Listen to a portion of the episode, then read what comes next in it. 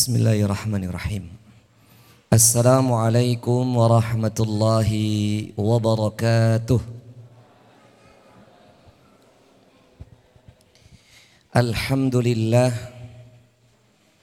حمدا كثيرا طيبا مباركا فيه كما يحب ربنا ويرضاه واشهد ان لا اله الا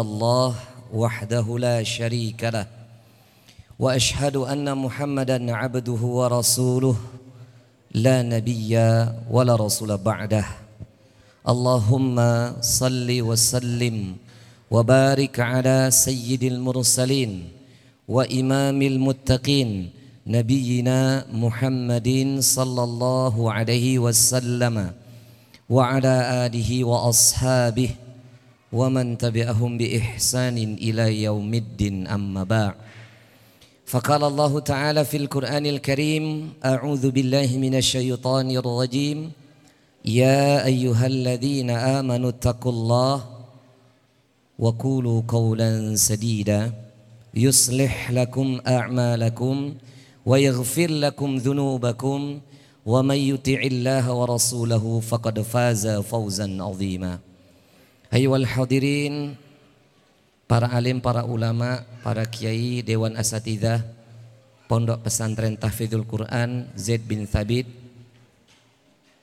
serta para hadirin dan tidak lupa santri-santri yang semoga Allah Jalla Jalaluh menjadikan niat dan amal solih anak-anak santri semua dicatat sebagai amal seimbang dengan para mujahid Semoga Allah Jalla Jalaluh menjadikan putra putri yang berada di pondok pesantren Zabisa ini dijadikan ahlu taqwa wa ahlul maghfirah dan semoga menjadi para alim ulama yang mengibarkan Islam dan berbakti kepada kedua orang tua nusa dan bangsa kita. Amin Allahumma amin.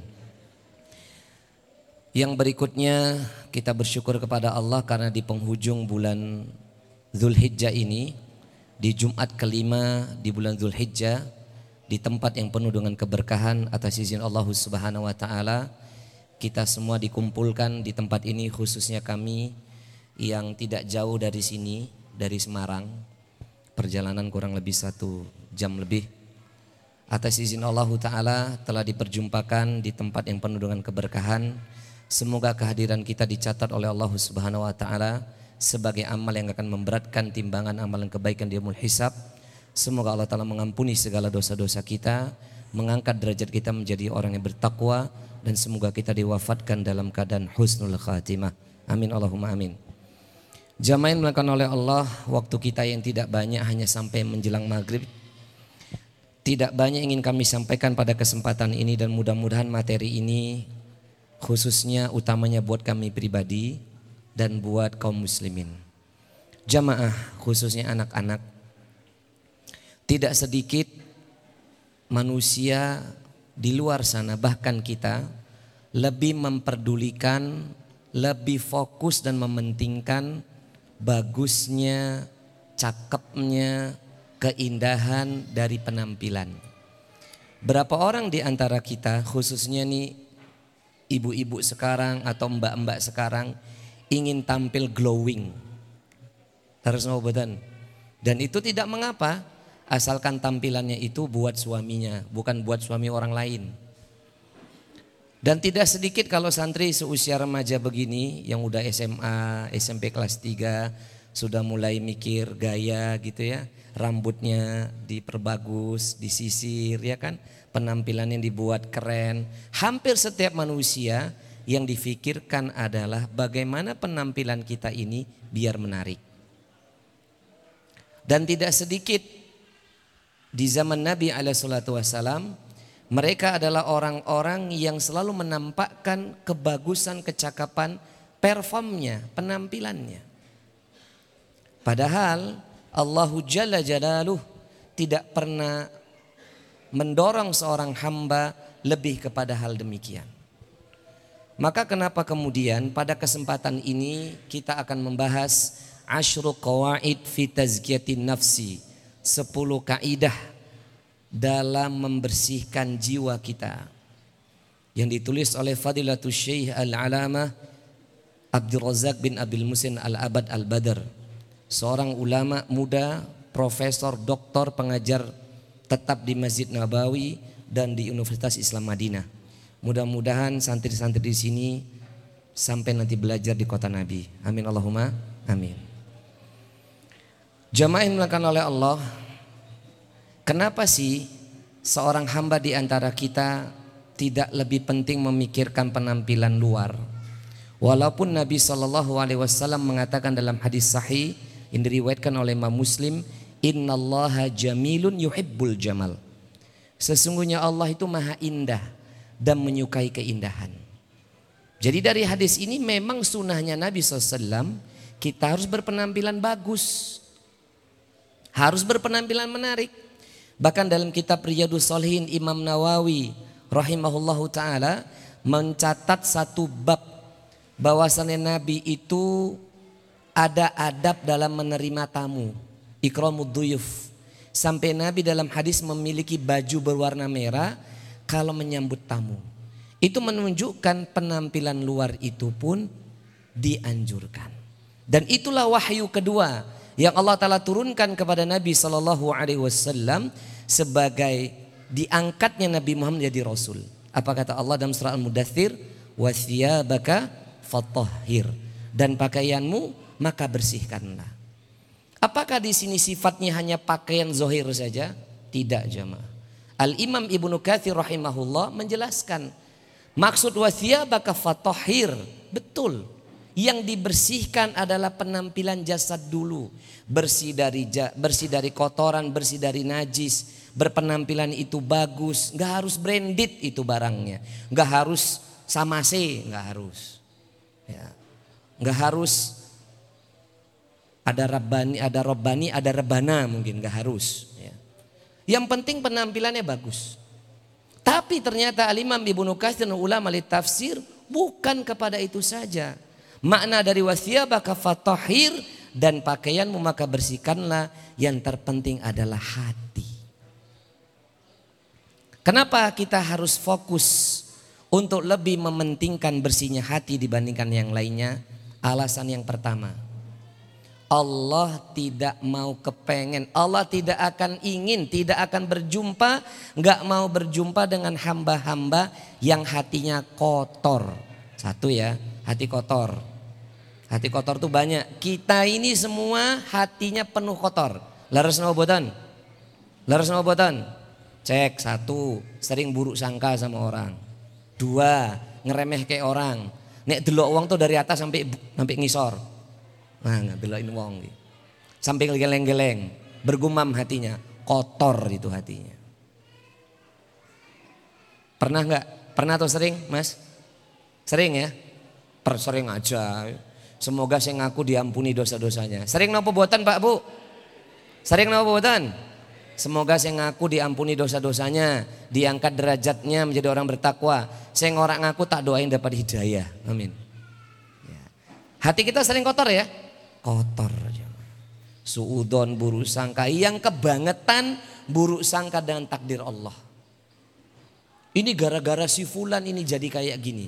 Tahu nggak Pak Bu? Ketika kita komentar demikian, secara tidak langsung kita itu memprotes takdir Allah.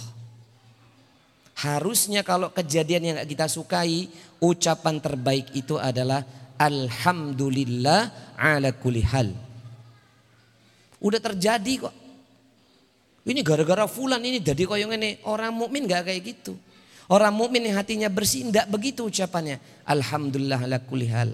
Berkat beliau melalui beliau takdir ini menjadi seperti ini.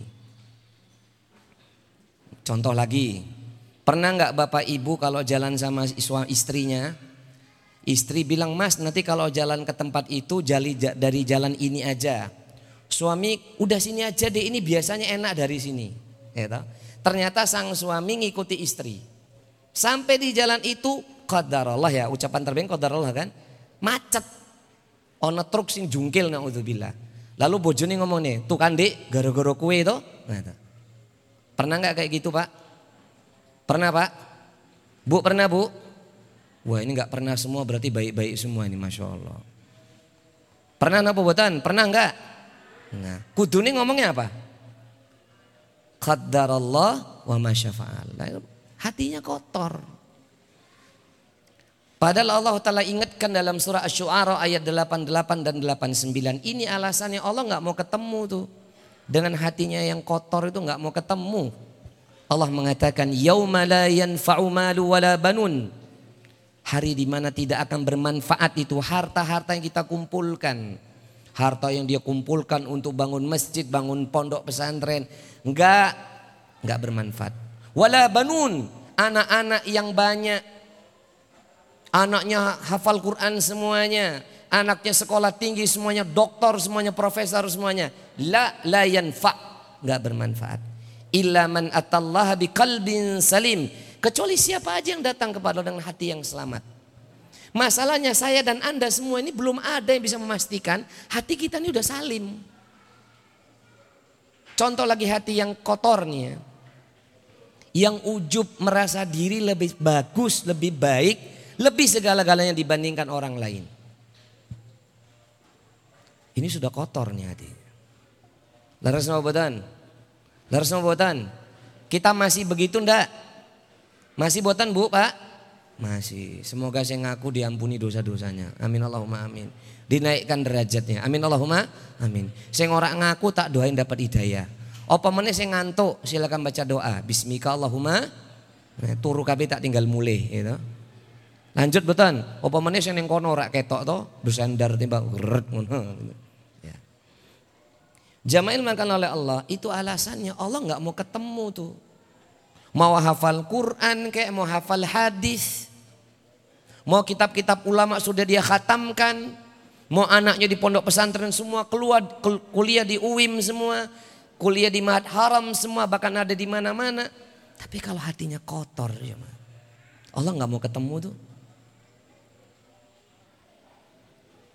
Sanian, yang kedua, apa alasannya? Kenapa kita harus lebih mementingkan sesuatu di dalam jiwa kita, dalam diri kita dibandingkan zohir kita ini.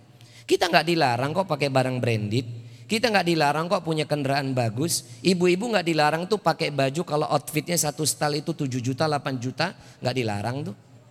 Wong saya punya jamaah loh pak, itu satu pakaian aja, saat kali make itu 2 m loh. Jam dia aja udah satu setengah miliar, jamnya tok loh pak. Jam, Musuh gembel kedua pak. Ustaz mau pakai? Ya tak lihat aja. Oh ya. Tak coba biasa aja jam tangan juga. Tapi satu setengah M jam tangannya. Belum sepatunya, belum bajunya. Paham Pak Bu? Tidak sedikit orang. Ya dia sugem belegedu, boleh. Dan diketahui ya dan harus kita tahu. Dan ini malah termasuk orang yang nggak boleh nih. Wong suge macak kere itu nggak boleh. Ada nggak wong sugi macak kiri? Ada atau banyak? Banyak ya. Itu malah nggak boleh haram. Karena dia khilaf ingkar sunnah, dia menyelisih sunnah Nabi SAW. Tapi kalau dia nyun sewu, nyun sewu ini di luar sana di sini nggak ada insya Allah. Wong kiri macak suge lah, gue lebih nggak boleh lagi. Wes miskin gayane su suge. Gitu. Ini lebih nggak boleh. Maka seorang mumin itu di tengah-tengah dia berpakaianlah, berpenampilanlah, bergayalah di level kita masing-masing. Kalau memang kita kaya, jangan diturunkan itu muraahnya. Kalau memang miskin, berpenampilan seadanya aja. Nah, karena kebanyakan kita demikian masalahnya. Dan alasan yang kedua, kenapa kemudian setiap kita harus lebih memperhatikan ini kita. Karena di sini kata Syekh Abdul Razak bin Abdul Musin Al-Abad Al-Badar Hafizullah Ta'ala. Beliau mengatakan di dalam kitabnya, tak terjemahkan aja ya. Beliau mengatakan, Faqad aksamullahu azza wa jalla bi'adadin min makhluqatihil kibar ad-dalati ala azimatihi. Sampai-sampai Allah itu ingin meletakkan posisi jiwa, posisi hati yang betapa mulia penciptaan asalnya Allah bersumpah dengan makhluk-makhluknya yang besar. Saya ulangin ya. Ketika Allah ingin menjelaskan loh, nih kalau kamu punya jiwa yang mulia, sebagaimana asal muasal penciptaannya itu mulia. Allah sampai bersumpah dengan nama makhluknya. Dan itu Allah Ta'ala utarakan hanya dalam satu surat. Dan ini surat langganan Bapak Ibu kalau sholat duha. Surat apa itu? Rokat pertama. Asyams. Lalu buatan. Kalau sholat zuhur langganannya apa Pak? Al-Kausar ya. Sama Al-Ikhlas. Uh, surat langganan. Kalau di kampung-kampung kalau sholat maghrib al-kafirun sama al-ikhlas. Sholat isya apa pak? Dua alam. Alam nasroh, alam taro. Gitu. Surat langganan. Nanti santri nggak usah gitu ya nangnya. Besok kalau ngimamin nggak usah dowo-dowo.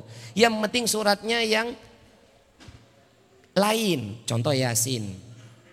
Ya, Yasin gak usah panjang-panjang dan zaman jangan suudon. Waduh, Yasin suwen ini. Nggak usah, tiga ayat aja. Ya kan? Bismillahirrahmanirrahim. Yasin wal Qur'anil Hakim. Innaka laminal mursalin. Allahu akbar. Uh, top. Betul nggak?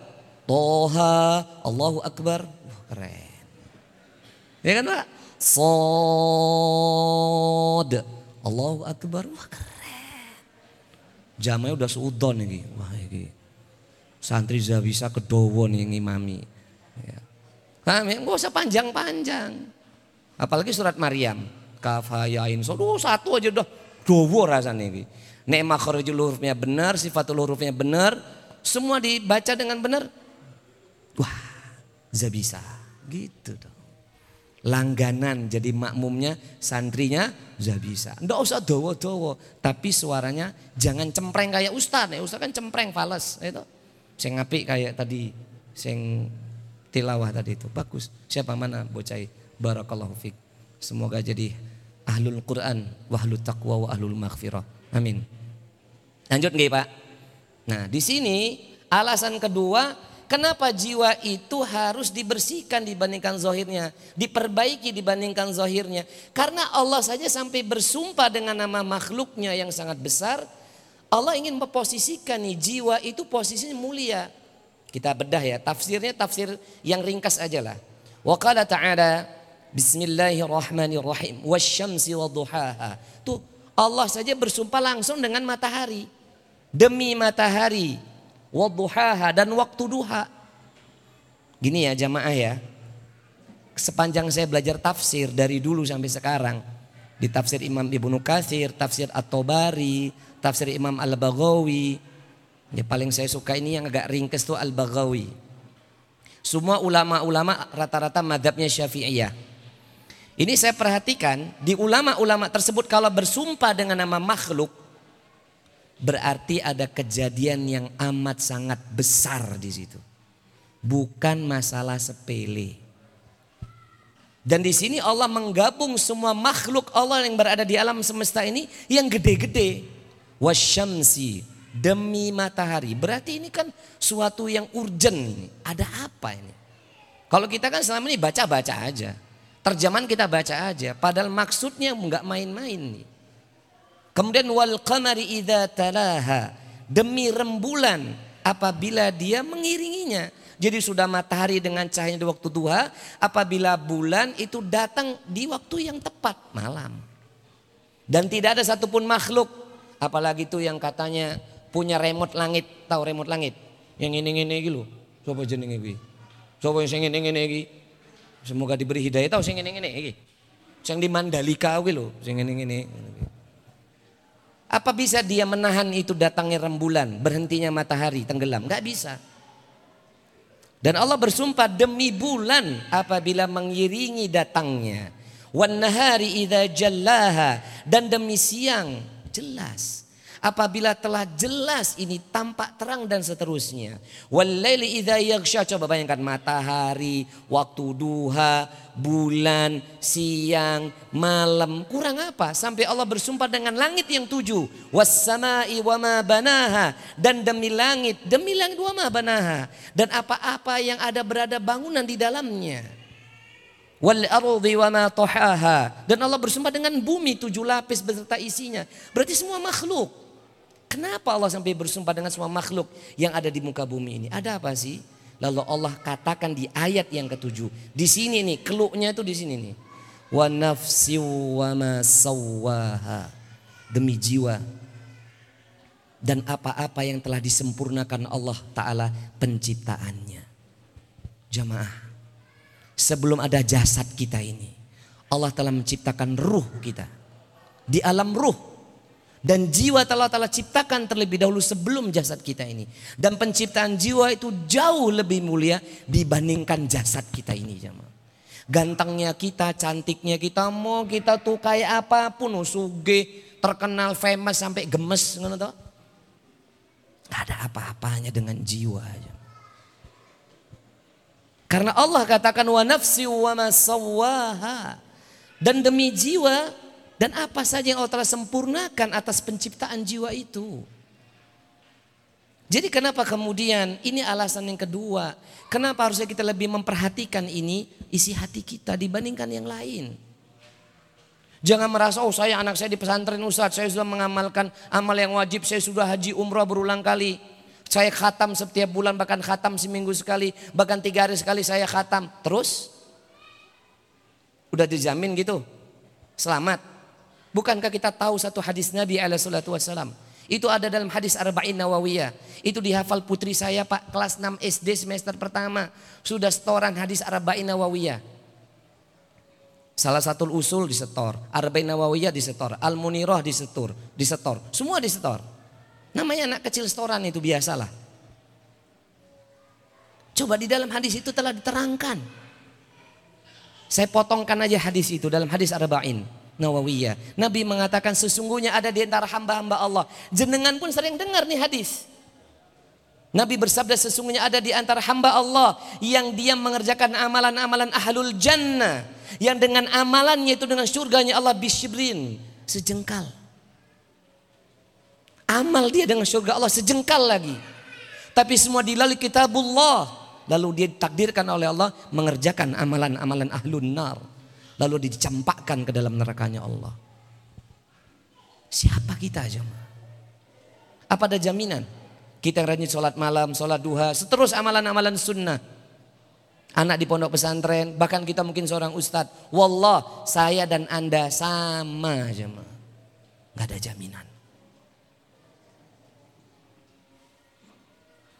Tapi lihat tuh hadis Nabi berikutnya. Kita kan sering dengar nih hadis.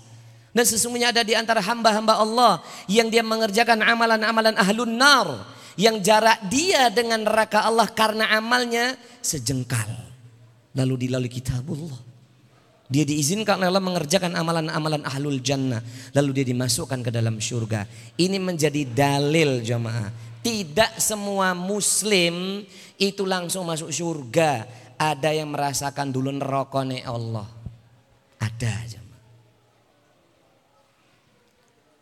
Makanya jemaah, siapa kita gitu loh. Tuh Allah di atas arsh tuh. Melihat kita, mendengar kita, mengetahui isi hati kita. Bahkan saya ngantuk es turu yang ngerti gitu. Menurut yang turu toh, baca doa. Bismika Allahumma. Nah, ini ngarap turu malah. Tak tunggu, tinggal mulai apa gitu. Lanjut. Lanjut jemaah. Lalu Allah Ketika menciptakan jiwa ini asal muasalnya itu adalah mulia. Allah kasih pilihan setiap jiwa ketika jiwa itu telah ditiupkan oleh Allah di dalam jasad kita. Fa'alhamaha fujuraha wa taqwaha. Maka Allah kasih pilihan jemaah. Ini jadi dalil.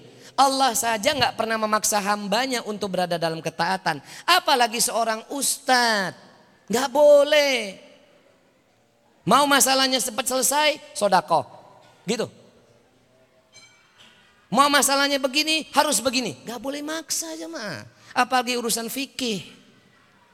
Allah saja nggak maksa kok. Lihat nih dalil. Fa'alhamaha fujuraha wa taqwaha. Maka sungguh Allah memberikan ilham. Memberikan pilihan jalan fujur. Berujung su'ul khatimah. Berakhir di neraka. Watakwaha dikasih pilihan setiap jiwa berujung husnul khatimah atau syahid berakhir di surganya Allah dikasih pilihan kok.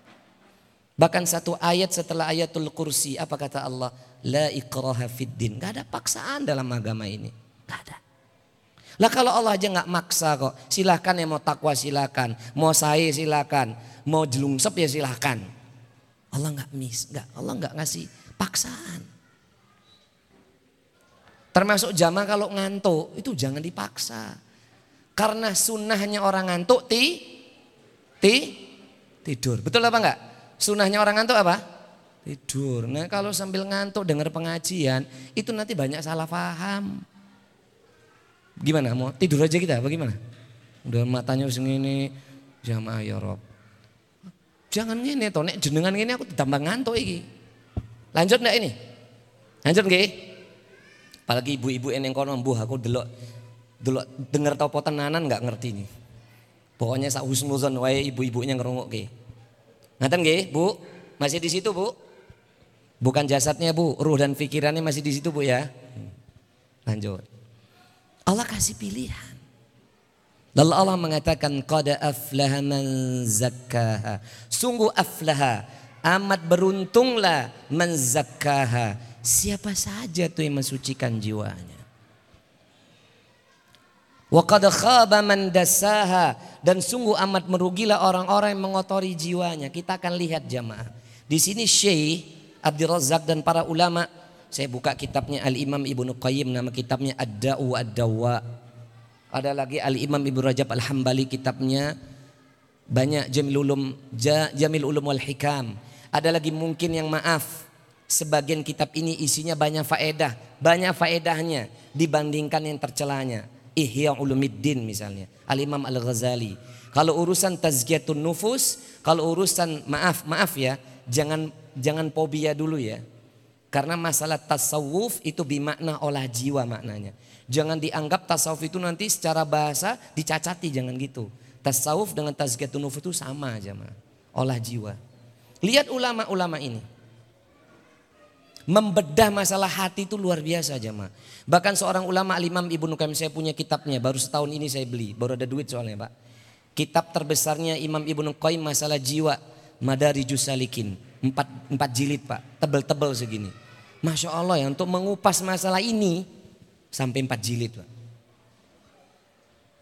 Gundul kabeh. Nah, terjemahkan berapa jilid gitu Pak. Bapak Ibu, masih di sini Pak? Masih di sini Pak Bu? Lanjut botan. Waktu saya tinggal 15 menit ini. Habis ini adzan saya pulang sudah.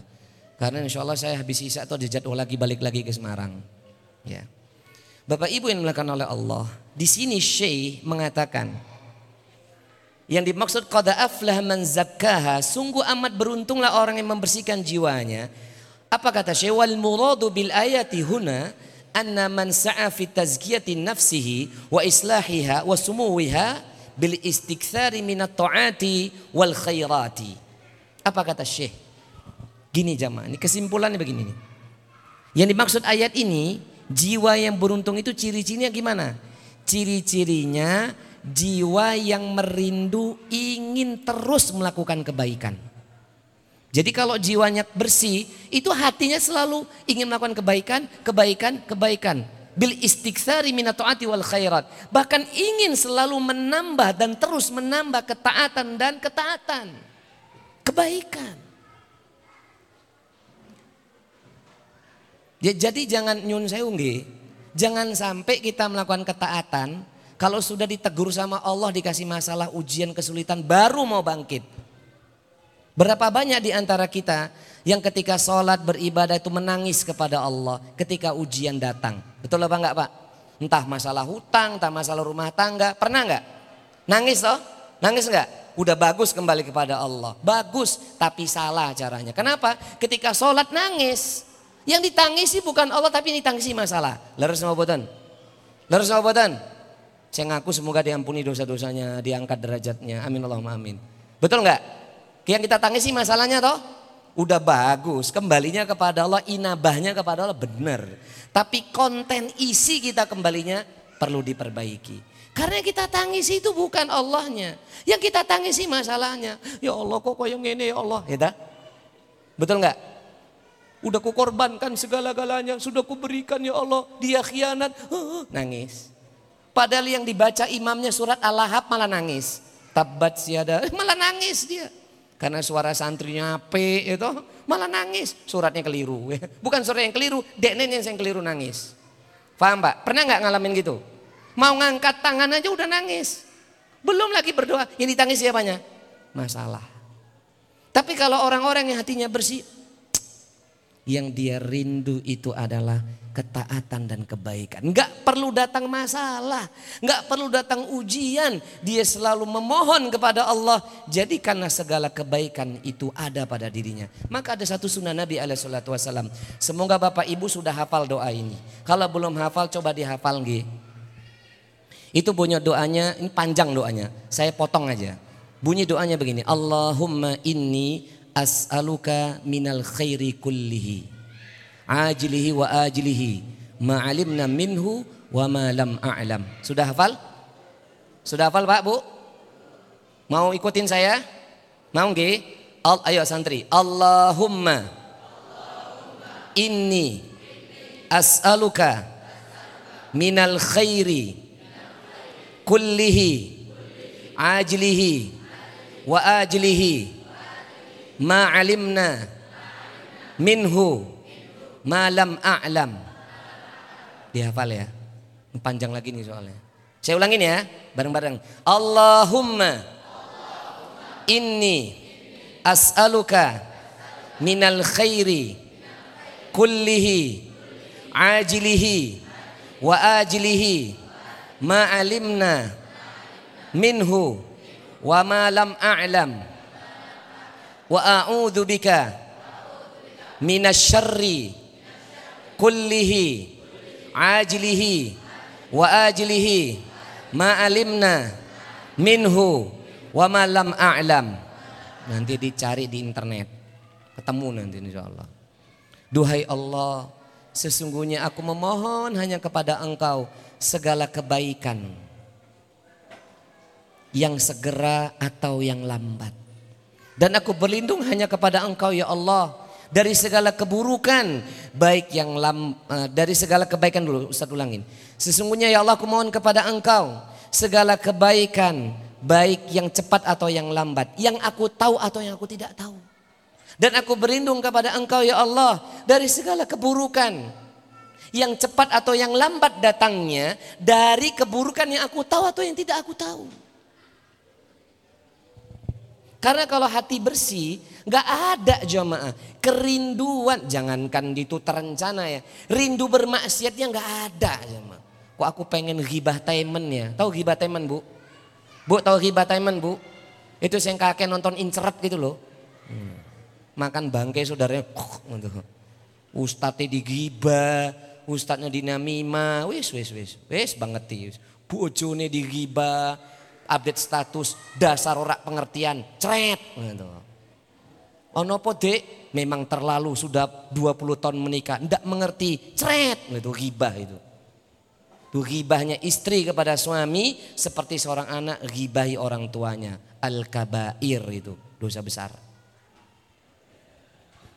Sama nang buka aib ustate gurune itu seperti buka aib kedua orang tua. Namanya manu, namanya ustadz juga manusia enggak? Apa ada ustadz yang maksum? Mana ada om Sayyidina Abu Bakar aja enggak maksum. Jadi kalau ustadznya punya salah wajar berarti manusia. Kalau enggak punya salah malah enggak wajar. Jangan-jangan ini bukan menungso lo coba jajal lo. Jadi kalau ustadznya tidurnya ngorok misalnya wajar manusia ngences manusia kok. Betul apa enggak? Ustadznya ganteng-ganteng ngences ngorok, eh manusia. Gitu pak, bu, lanjut. Suaminya di luar, wow masya Allah, supel, humble, sambel. Gitu pak, bu. Nengoma ya Allah, misalkan. Ya jangan dibuka aibnya. Itu jiwa yang bersih, yang dia rindu tuh ketaatan, tidak ada sama sekali rindu untuk maksiat. Tapi kalau ada kerinduan apalagi terencana, hatinya kotor. Sedangkan waqad khaba man dasaha, sebaliknya. Dan sungguh orang-orang yang mengotori jiwanya, berarti sebaliknya dia itu. Tidak ada keinginan ziyadatul khair. Tidak ada keinginan untuk menambah ketaatan. Tidak ada keinginan untuk memperbanyak kebaikan dan ketaatan. Tidak ada yang dia rindu maksiat, maksiat, maksiat. Kalau perlu satu hari tanpa maksiat hidup gua berantakan gitu. Tuh hatinya kotor. Ngelihat yang beda dikit penampilannya tidak nyunah gitu. Yang lihat beda dikit penampilannya, ini orang awam gitu. Bahkan maaf ya nggih Pak Bung nggih, ngapunten nggih. Nek delok mbak-mbak neng jobo kono yang pakainya kayak armarem, tahu armarem? Ketat meletek siti, tahu? Tahu kan? Armarem tahu toh? Nah, tuh. Ini odo mbak-mbak yang pakainya kayak armarem gitu. Nggak boleh kita katakan ahlun nari astagfirullah jamaah. Sekalipun pekerjaannya PSK sekalipun selama dia masih hidup nggak boleh hati kita mengatakan dia ahlun nar. Kotor hati kita jamaah. Mau jual togel tukang jual ngombe pokoknya mau limo nggak cukup. Tupi itu dosa nih sekalipun. Selama dia masih hidup jamaah kita nggak boleh nge ngejudge dia. Hati kita berarti kotor tuh nah pede kalau habis begitu langsung merasa diri lebih baik, pede nggak? Habis itu kalau diambil ruhnya terus gimana? Bukankah Nabi SAW mengatakan dalam hadis yang diriwayatkan oleh Imam Ahmad al-Ghairuh. Nabi mengatakan sesungguhnya seseorang itu akan diwafatkan sebagaimana kebiasaan hidupnya. Nek kebiasaan hidupnya suka jengkalin orang, ngejudge orang, matinya dalam keadaan gitu. Nauzubillah. Gak boleh ya. Ampun gih. Ampun gih. Lanjut apa buatan? Ada yang sudah khusyuk tidurnya jamaah. Tekan raudoh mungkin ya. Masya Allah nyenyak, Masya Allah. Jalankan sunnah. Ngantuk sunnahnya tidur. Alhamdulillah itu jalankan sunnah. Nanti bangun-bangun sudah kafaratul majlis kita mulai kabeh ya. Inilah alasannya jemaah. Kenapa kemudian kita harus lebih mementingkan hati ini. Dan saya tutup dengan satu hadis. Nabi alaihi salatu wasallam saya ambil dalam kitab Riyadhus Salihin yang ditulis oleh Al Imam An Nawawi rahimahullah taala. Nabi bersabda, "Innallaha ta'ala la yanzuru ila ajsamikum wala ila sawarikum, walakin yanzuru ila qulubikum wa a'malikum." Allah tuh nggak lihat kok Mau betapa bagusnya rupa-rupa kamu, jasad-jasad kamu Allah nggak lihat itu. Perform itu nggak Allah lihat. Walakin yang duru ila kulubikum wa a'malikum. Namun Allah Ta'ala lihat itu apa yang berada dalam hati kita aja. Dan apa yang kita perbuat. Dan kalau mau tahu hati ini bersih atau tidak. Ibarat teko diisi air di dalamnya. Kalau teko itu isinya air zam-zam, ketika dituang dari mulut teko yang keluar apa? Air zam-zam. Tapi kalau teko itu diisinya air comberan, nyun sewu, congyang, gitu, topi miring, gitu, tua kabeh ning kono. Ketika dituang yang keluar dari mulut teko itu apa? Zam-zam atau air comberan tadi? Itu dia. Itu yang dikatakan Nabi alaihi salatu wassalam yang diriwayatkan oleh Imam Ahmad. Nabi mengatakan la yastaqimu imanu abadin hatta hatta yastaqima qalbuhu. Wa la yastaqimu qalbu hatta yastaqima lisanuh. Atau kama qala Rasulullah sallallahu alaihi wasallam. Tidak akan pernah lurus dan baik tuh iman seorang hamba sampai lurus dan baik itu hatinya. Dan tidak akan pernah lurus itu hati seorang hamba sampai lurus itu lisannya. Jadi kalau kita mau mengukur diri kita baik atau tidak, Lisan kita ini seperti apa? Suka komentarin orang enggak? Suka jelekin orang enggak? Suka doain orang enggak? Doain orang baik enggak? Itu setelah Allah kita yang maha tahu. Maka kalau mau tahu bagaimana membersihkan jiwa, to be continue. Ini baru mukaddimah kajian kita, sudah maghrib, umur maghrib. Jadi 10 kaidahnya insya Allah kalau memang saya nanti ditakdirkan ke sini lagi ketemu sampai bulan depan. Ini baru mukaddimah loh Pak, mukaddimah kitab Bapak Ibu. 10 kiatnya kalau mau tahu stay tune terus di kajian Jumat sore di Yayasan Subul Salam Nusantara Pondok Pesantren Zaid bin Thabit. Ya, semoga bermanfaat. Demikian dari kami. Semoga Allah Taala mengampuni dosa-dosa kita, menerima seluruh amal soleh kita. Mari sama-sama kita berdoa.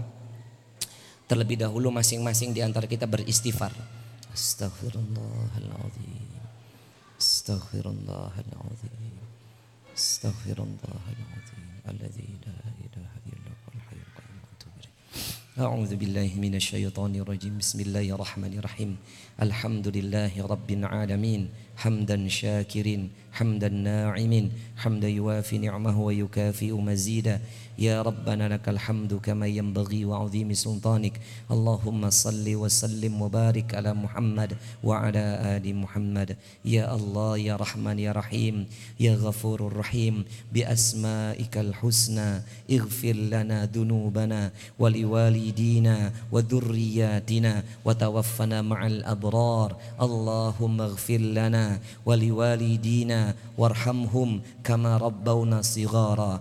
اللهم اغفر اغفر لنا ولوالدينا وللمؤمنين يوم يقوم الحساب لا إله إلا أنت سبحانك إني كنت من الظالمين لا إله إلا أنت سبحانك إني كنت من الظالمين Ya Allah ya Rahman ya Rahim ya Ghafurur Rahim Kami di sini menundukkan jiwa kami serendah-rendahnya hanyalah kepadamu ya Allah Ampunilah segala dosa-dosa kami ya Allah Yang tanpa atau yang tersembunyi ya Allah Ampunilah dosa-dosa kami ya Allah yang awal hingga yang akhir. Ampunilah dosa-dosa kami ya Allah dari yang terkecil hingga yang terbesar.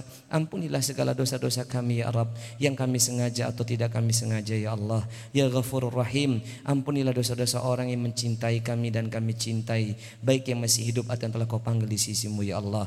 Ya Allah ya Ghafurur Rahim, janganlah kau hukum diri kami ya Rabb atas dosa-dosa yang pernah kami kerjakan selama ini ya Rabb. Janganlah kau hukum istri kami, suami kami, pasangan kami dan anak-anak keturunan ya Allah lantaran dosa dan maksiat yang pernah kami kerjakan selama ini ya Rabb. Terimalah istighfar kami dan terimalah taubat kami ya Allah. Allahumma ja'alna minat tawabin wa ja'alna minal mutatahirin. Allahumma ja'alna min ibadikal mukhlisin wa min ibadikal sabirin. ومن عبادك المتقين. اللهم يا مقلب القلوب ثبت قلوبنا على دينك. ويا مصرف القلوب صرف قلوبنا على طاعتك. ربنا لا تذيع قلوبنا بعد إذ هديتنا وهب لنا من لدنك رحمة. إنك أنت الوهاب. يا الله Janganlah engkau palingkan jiwa kami, hati kami ya Rabb. Setelah kau berikan hidayah dan kau semai iman di dalamnya ya Allah. Janganlah engkau palingkan hati kami ya Rabb. Setelah engkau memberikan semua kebaikan di dalam hati kami ya Rabb. Dan kami memohon kepada engkau ya Rabb. Rahmatmu dari sisi engkau ya Allah. Ya Allah ya Rahman ya Rahim ya Hayu ya Qayyum. Kami yakin dan kami sadar ya Rabb. Engkaulah satu satu-satunya zat yang menggenggam jiwa kami dan hati kami ya Rabb. Teguhkanlah, kuatkanlah hati kami di atas agama engkau ya Rabb. Teguhkanlah jiwa kami, hati kami di atas ketaatan kepadamu ya Allah.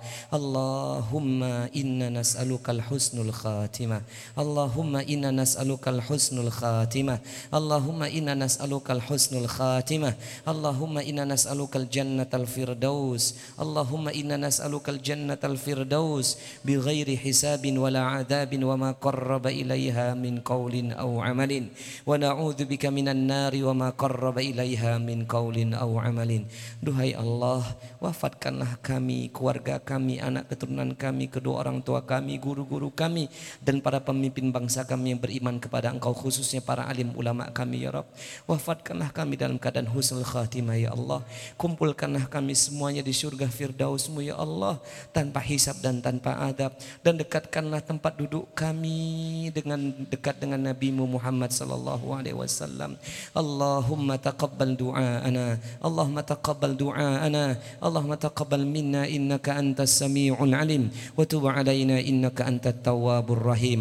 اللهم اللهم إنا نسألك من الخير كله عاجله ما عاجله وآجله ما علمنا منه وما لم نعلم ونعوذ بك من الشر كله عاجله وآجله ما علمنا منه وما لم نعلم.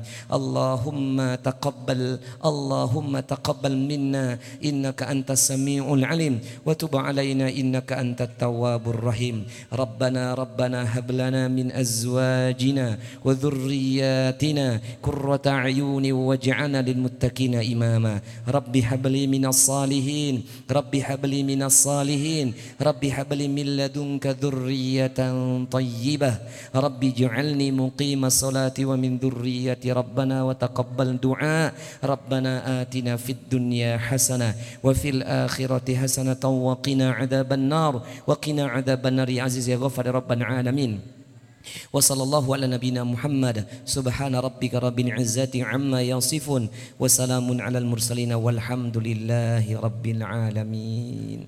أقول قولي هذا فاستغفر الله لي ولكم إنه هو الغفور الرحيم. سبحانك اللهم وبحمدك أشهد أن لا إله إلا أنت أستغفرك وأتوب إليك. والآخر والسلام عليكم ورحمة الله وبركاته.